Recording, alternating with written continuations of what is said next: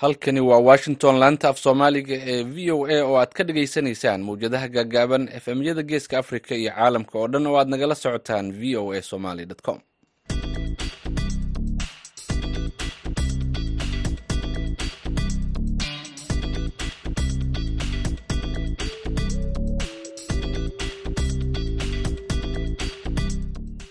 duhur wanaagsan dhegeystayaal meel walbo aad joogtaan waa maalin talaada ah sagaalka bisha januari sanadka labada kun afar iyo labaatanka. Saacadda afrikada bari waxay tilmaamaysaa kowda iyo barka duhurnimo idaacadda duhurnimo waxaa idinla socodsiinaya anigoo ah nuur xasan nuur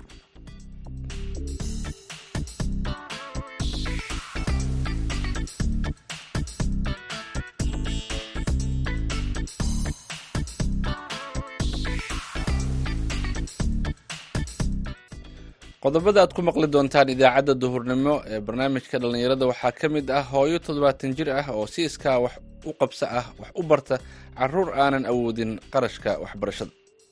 Dalka oo burburay awgiisa ay u kaliftay iyadoo aan waayay wax dhaqdhaqaaqa oo agoomuhu leeyihiin arkayna ilmo badan oo rafaadsan oo durbajiif ah oo maxay ta wax walba dafahaya oo meelaha ordahaya oo qashimada taagan waxaa igu kaliftay inaan uruuriyo damiirka wuxuu isiiyey inaan ahay xil iska saaro ardadaas sidii aan wax ku bari lahaa.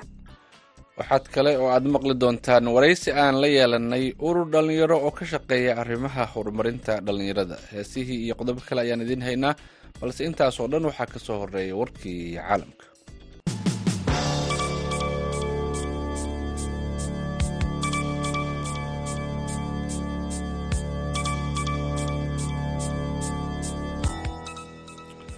ku dhowaad lixdan qof ayaa la xaqiijiyey in lagu dilay duqeyn ay maanta ciidamada israa'iil ku beegsadeen isbitaalka al aqsa ee bartamaha marinka khaza wasaaradda caafimaadka ee xamaas ayaa xaqiijisay in dadka dhintay ay ahaayeen dad rayid ah. Israa'iil ayaa sii xoojisay duqeymaha aanan kala joogsiga lahayn ee ay ku hayso khaza afar iyo labaatankii saac ee la soo dhaafay xilli halkaas uu booqanayo xogeeyaha arrimaha dibadda ee maraykanka.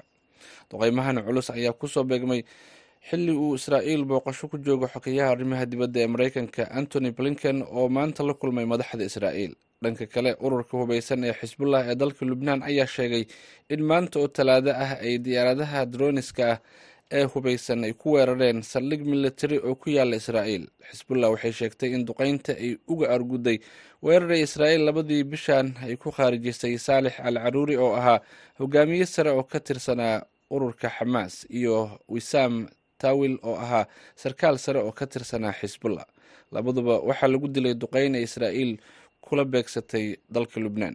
Xisbullah waxay sheegtay in duqeyntii maanta ay ku beegsadeen saldhig uu militariga israa'iil ku leeyahay magaalada saved ee waqooyiga israa'iil. Ma jiro wax war ah oo arrintan ku saabsan oo ka soo baxay dhinaca israa'iil baarlamaanka kuuriyada koofureed ayaa talaadada maanta ah meel mariyay sharci lagu mamnuucayo cunista iyo ka ganacsiga hilibka eeyaha. Tallaabadaas oo soo afjari doonta dhaqan muran dhaliyey oo qarnayaal badan ka jiray halkaas iyadoo ay sii kordhayaan dadka taageersan xuquuqda iyo daryaalka xayawaanka. Cunista hilbaha eeyaha ayaa mar loo arkay in ay tahay hab lagu wanaajiyo awoodda jirka xilliga xagaaga ee kuuriya laakiin dhaqankan ayaa noqday mid naadir ah oo inta badan ku kooban dadka da-da ah qaarkood iyo maqaayado gaar ah. In badan oo ka mid ah dadka kuuriyaanka ayaa u arka eeyaha inay yihiin xayawaan dadka la saaxiib ah iyadoo ay kordheen daleecaynta loo jeedinayo in eeyaha la gowraco. Dadka u dhaqdhaqaaqa xayawaanka ayaa sheegay in eeyada badankood koronto lagu qabto ama la daldalo marka la gowracayo inkastoo dadka dhaqda eeyaha iyo ganacsatadu ay ku doodayaan in horumar laga gaaray in habka gowraca laga dhigo mid ay naxariisto ku jirto. Taageerada mamnuucista ayaa kor u kacday inta uu talada hayo madaxweyne yuun sugyool oo ah nin xayawaanka jecel islamarkaana leh lix ey iyo sideed bisadood. Xaaskiisa marwada koowaad ee dalkaasi kim kion he ayaa sidoo kale aada u naqdisa cunista hilbaha eeyaha warkii caalamka dhegeystayaal waa naga intaa u diyaar garooba qeybaha inooga haray idaacadeena duhurnimo.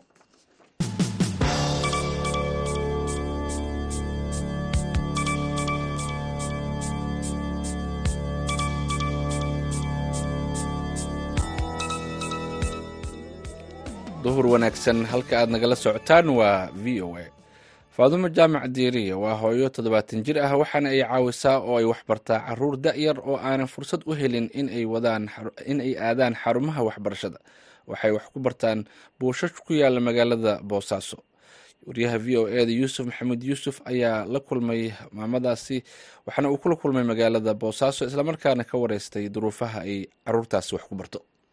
Dalka oo burburay awgiisa ay u kaliftay iyadoo aan waayay wax dhaqdhaqaaqa oo agoomuhu leeyihiin.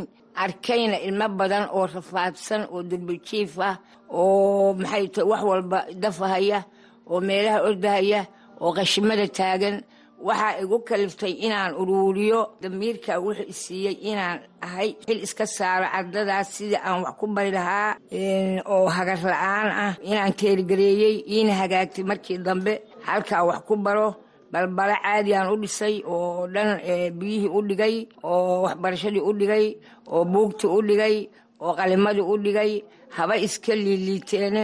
Waxaanu ka ballan qaadnay inaanu halkaas ballan baan qaaday inaan soo saaro dabadeedna ummadaha waxgaradka u-n-ka dowladda inaan la kaashado oo tuso ilmihii maadaama ay saddex iyo toban sano wasaaradda waxbarashadu ay og yihiin ayna ila socdaan waxbarashadaas keliyana ma wado waxbarashada hooyooyinka aan aqoon farta sida maxay tahay dharkariska sida cilaanka sida muxuu ahay sida maxay tahay af soomaaliga xisaabta diinta iyagana waa wadnaa waxbarashada dadban.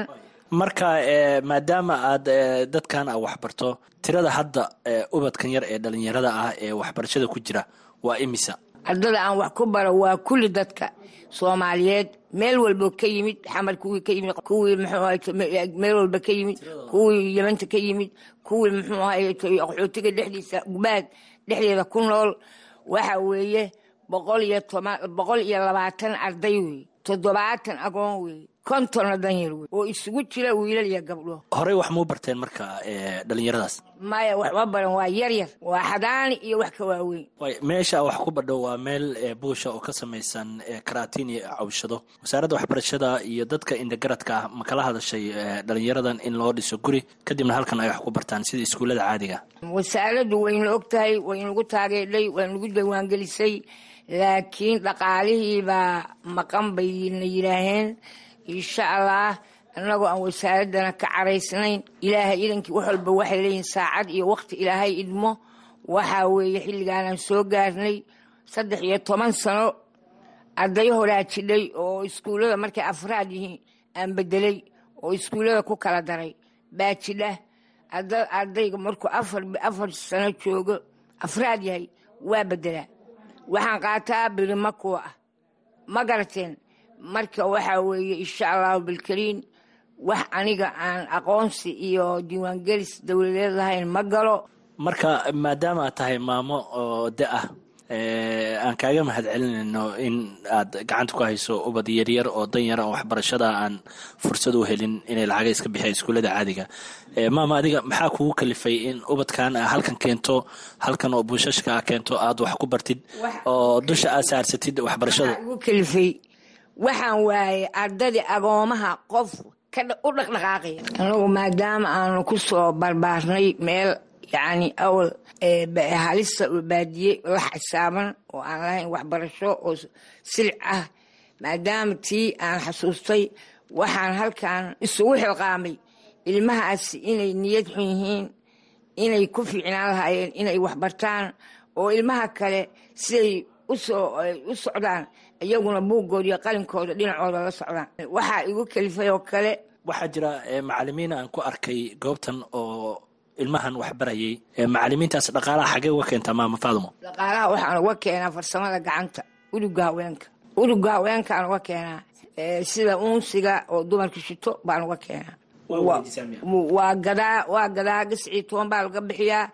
Markaa uu baxo baa adigu lagu lagu siiyaa iyaga waxooda ay ku helaan mushaarkooda macnaha waxaa ku fahmay macalimiinta mushaarkooda waxaa ka bixisaa uunsiga markii lagaa iibsado kadib baa iyaga mushaar ahaan u siisa. Aa markii layga iibsado baan iyaga mushaar ahaan u siiya. Haddana waxaa dhacday bilahan dambe in dhaqaalihii hooseeyo puntland oo wax gadanayaaba jirin. Hadda waxaa cabaadka ii keenay iyo dhibka waxa weeye waa waaye ilaa hadda waxay leeyihiin mushaarka afar bilood bay qabaan. Afar bilood oo mishaara ma ay qaadan ilaa intee jeceshaa marka ubadka inaad wax sii badho? Allah intaan dhimanayo waxaan jeclahay inaan ka qayb qaato dalkayga iyo dadkayga waxbarashadaasna wado. Ilaa inta ay wadaanba aan u qareemo una dadaalo. Imise wakti ayay wax bartaan dhalinyaradan halka wax ku bartaa waxbarashada noocee ayay qaataan maadooyinka? Waxay qaataan subaxiya galabta waa bartaan. Waa fasalo subaxiya iyo fasalo subaxiya iyo safalo galabtiya waxay galaan toddobada toddobada duhurkii bay galaan. Waxay ka baxaan sagaalka maadada caadigaa bay dhigtaan. Waa af soomaali waa xisaab waa saynis waa cilmiga bulshada waa tarabiyo waa maxay qur'aan qur'aanku waaba joogto waxay la mid yihiin iskuulka lacagta lagu qaato. Maadada uu qaato baan bixinaa si bilaashana wax u barnaa. Taasina waxa ay ahayd faadumo jaamac diiriye oo ah hooyo toddobaatan jir ah oo si iskaa wax u qabso ah u caawisa. Caruur da-yar oo ku sugan magaalada boosaaso oo aanan aadin iskuullada. Waxa ay u waramaysay wariyaha v o e da yuusuf maxamuud yuusuf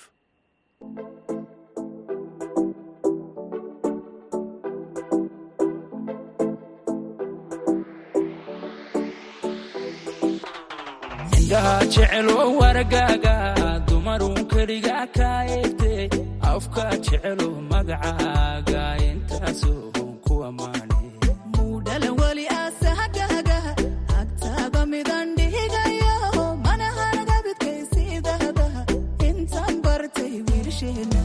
indhaha jecelo wargaaga dumarun keliga ka eegte afka jecelo magacaaga intaasoo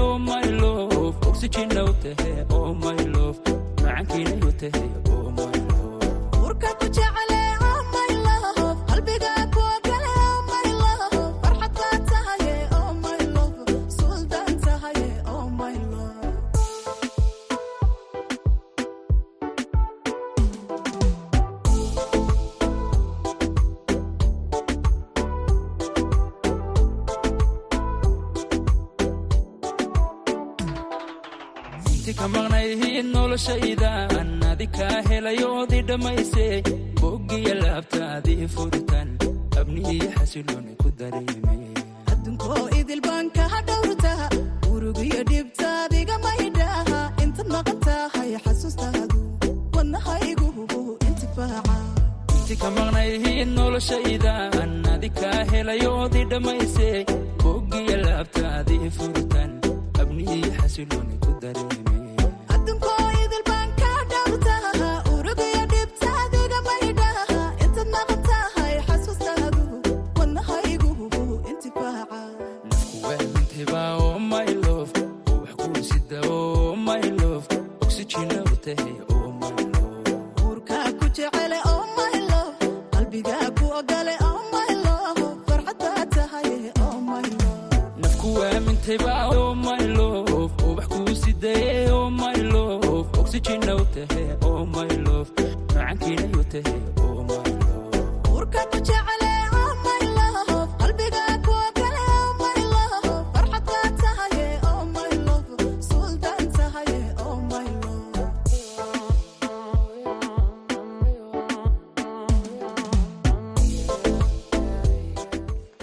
aanu intaasi kaga gudubno heestaasi dabacsan halka aad nagala socotaanna waa v o a madal dhallinyaro oo ka dhisan magaalada muqdisho laguna magacaabo gabsoor oo horey uga shaqayn jirtay isdhexgalka iyo dalxiiska ayaa hadda bilowday inay ka shaqayso arrimaha kaalmada iyo gacansiinta dadka nugul.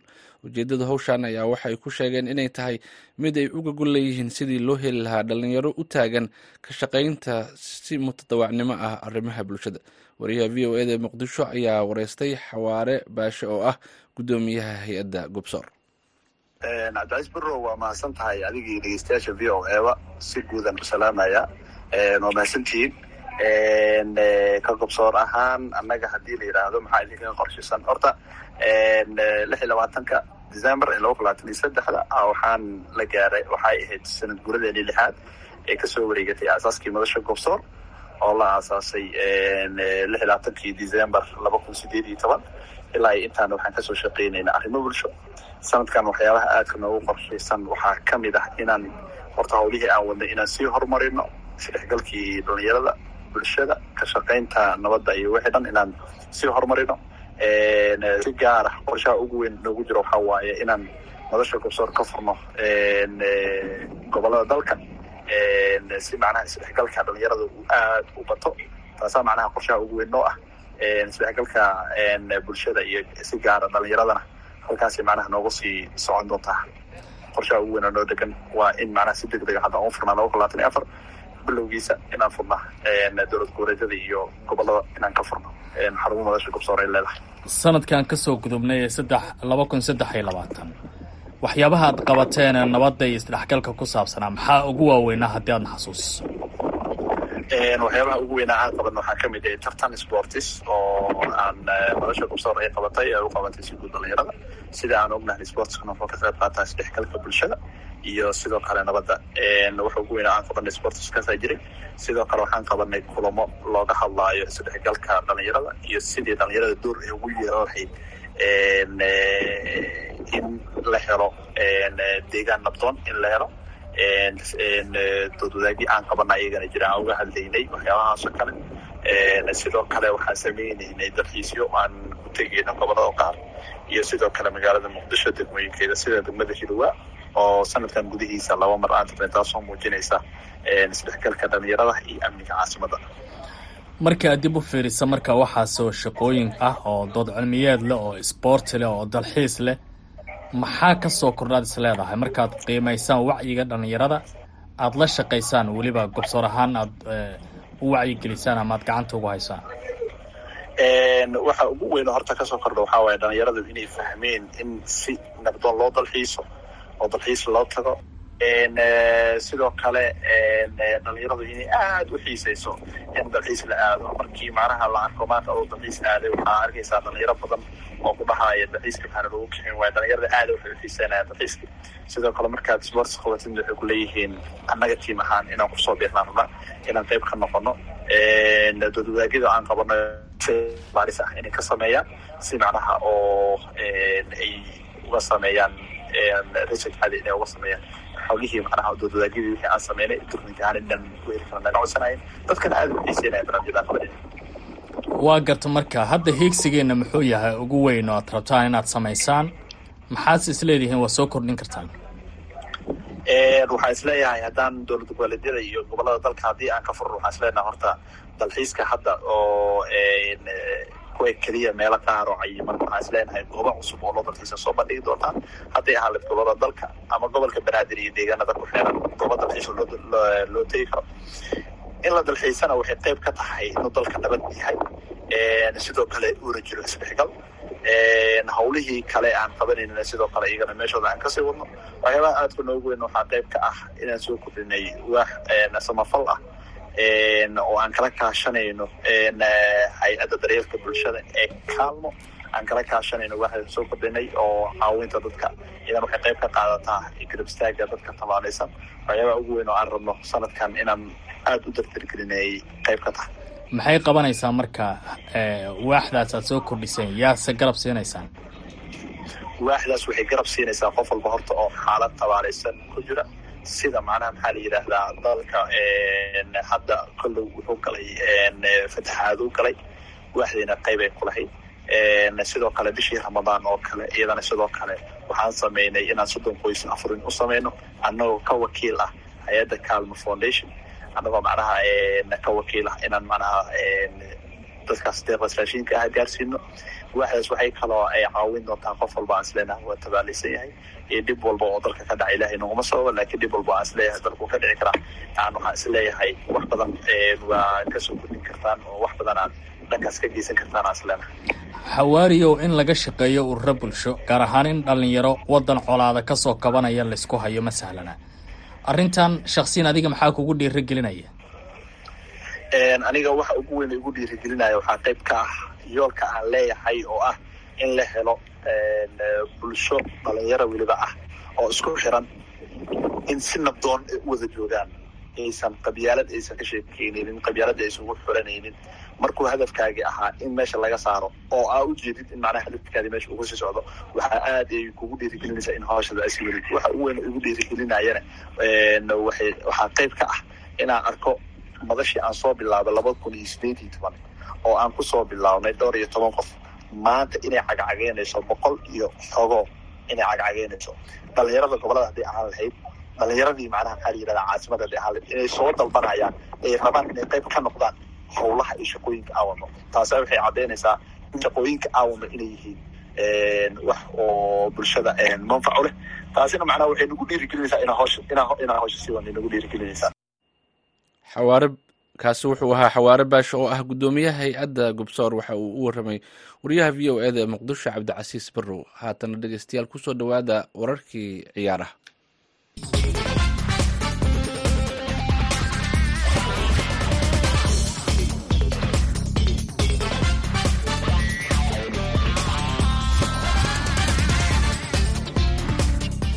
kulanti wanaagsan dhegeystayaal ku soo dhawaada xubinta cayaaraha. Waxaa geeriyooday halyeygii kubadda cagta ee dalka jarmalka franz bakenbauer oo toddobaatan sideed jir ahaa. Uu ku guulaystay koobka kubadda cagta adduunka laba jeer isagoo tababare iyo ciyaartooy ahba. Afartii koobka ayuu qaaday isagoo oo ka mid ah ciyaartooydii west germany. Sagaashankiina waxa uu la qaaday isaga oo markaasi ah tababaraha xulka dalka jarmalka markii gooli waxba ay kaga adkaadeen xulka dalka argentina. Bakenbauer oo markii hore qaab difaac ahaan ugu ciyaarayay ayaa waxa uu u dheelay shan boqol kulan kooxda bayan munich waxaana uu waddanka jarmalka uu ciyaartooy ahaan iyo tababar ahaanba la noqday nin kula guulaystay koobka kubadda cagta adduunka. Waxaa lagu naaneysi jiray derkazier waxaana isagoo ciyaartooy ah oo sidoo kale ku guulaystay european champions kun isaga oo laba jeer ku guulaystay ballon d or ama kubadda dahabka.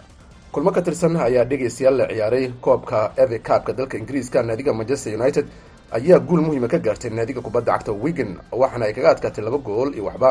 Ciyaaryahanada dalot iyo bruno fernandes iyo labada gool u dheliyey kooxda kubadda cagta manchester united. Isku-aadka wareegga afraad ayaa dhacay kahor intaysan manchester united la ciyaarin kooxda wigan waxaana ay midkood la dheeli doontaa naadiga kubadda cagta newport county ama naadiga islee oo markaasi iyagu wada dheeli doona. Labadan kooxood ayaa wada dheeli doona kulan kale kadib markii kulankoodii hore ay gooli gool isla dhaafi waayeen waxaana la rajaynayaa in kulanka uu dhaco dabeeqada bishan january ee aynu ku guda jirno. Sidoo kale dhegeystayaal coba delrey ayaa kulmo ka tirsan la ciyaaray naadiga tenerive waxay la dheeshay las palmas laba gooli waxba ayayna kaga awdronaatay unionist salamanka waxa ay gooli gool isla dhaafi weyeen naadiga valerial kulmo ayaa maanta dhici doona naadiga middlesbrough. Waxay la dheli doontaa naadiga chelsea halka naadiga kubadda cagta ee fiorentina ay la dheli doonto quarter kooba italy naadiga bologno dhinaca magaalada muqdishona koobka tartamada maamul goboleedyada ee gobolka banaadir ayaa si xiise la u socda. Shalay xulka gobolka banaadir ayaa laba gool iyo gool kaga adkaaday xulka naadiga galmudug. Waxaana goolka ku hormaray galmudug waxaase laba gool ku bedelay oo ciyaarta labiyo hal ka dhigay xulka gobolka banaadir oo iyagu markaasi hadda iska leh afar dhibcood iyadoo galmudugna ay leedahay sidoo kale afar dhibcood. Labada kooxoodba waxay hadda ka dhigan tahay inay wataan min hal guuldaro markii kooxda banaadir iyagoo la ciyaaray hirshabeelle taageerashooda lagu eedeeyey inay khalalaasi garoonka ka sameeyeen saddexda dhibcaan sidaas looga soo qaatay. Halka galmudugna ay guuldaro banaadir kala kulantay. Shalay hirshabeelle ayaa maanta la ciyaari doonta kooxda kubadda cagta ee jubbaland oo iyagu labadii kulan hore u dheelayba aan guul gaarin labadana laga soo awoodroonaaday hirshabeelle waxay wadataa afar dhibcood mar ay bareejo la gashay galmudug iyo mar saddexda dhibcood looga soo qaaday banaadir markii lagu eedeeyey xulka banaadir in ay taageerayaashooda sameeyeen fowdo sidaasna saddexda dhibcood xiriir kubadda cagta uu siiyey kooxda ka socotay maamulka hirshabeelle ciyaartan ayaa ah mid xiise badan waxaana aan idinkugu soo gudbin doonaa kulmada soo socda ee dhici doona natiijooyinka ka soo baxa barnaamijyadeena dambe ee ciyaaraha. Xubinta ciyaaraha halkaas inoo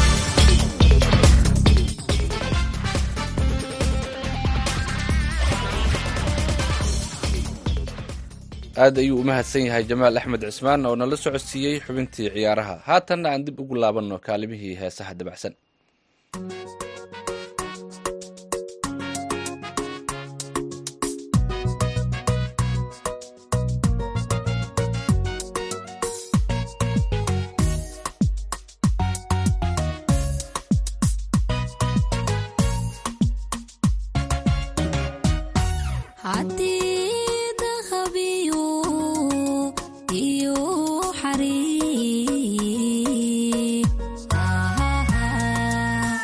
ducdayda la soo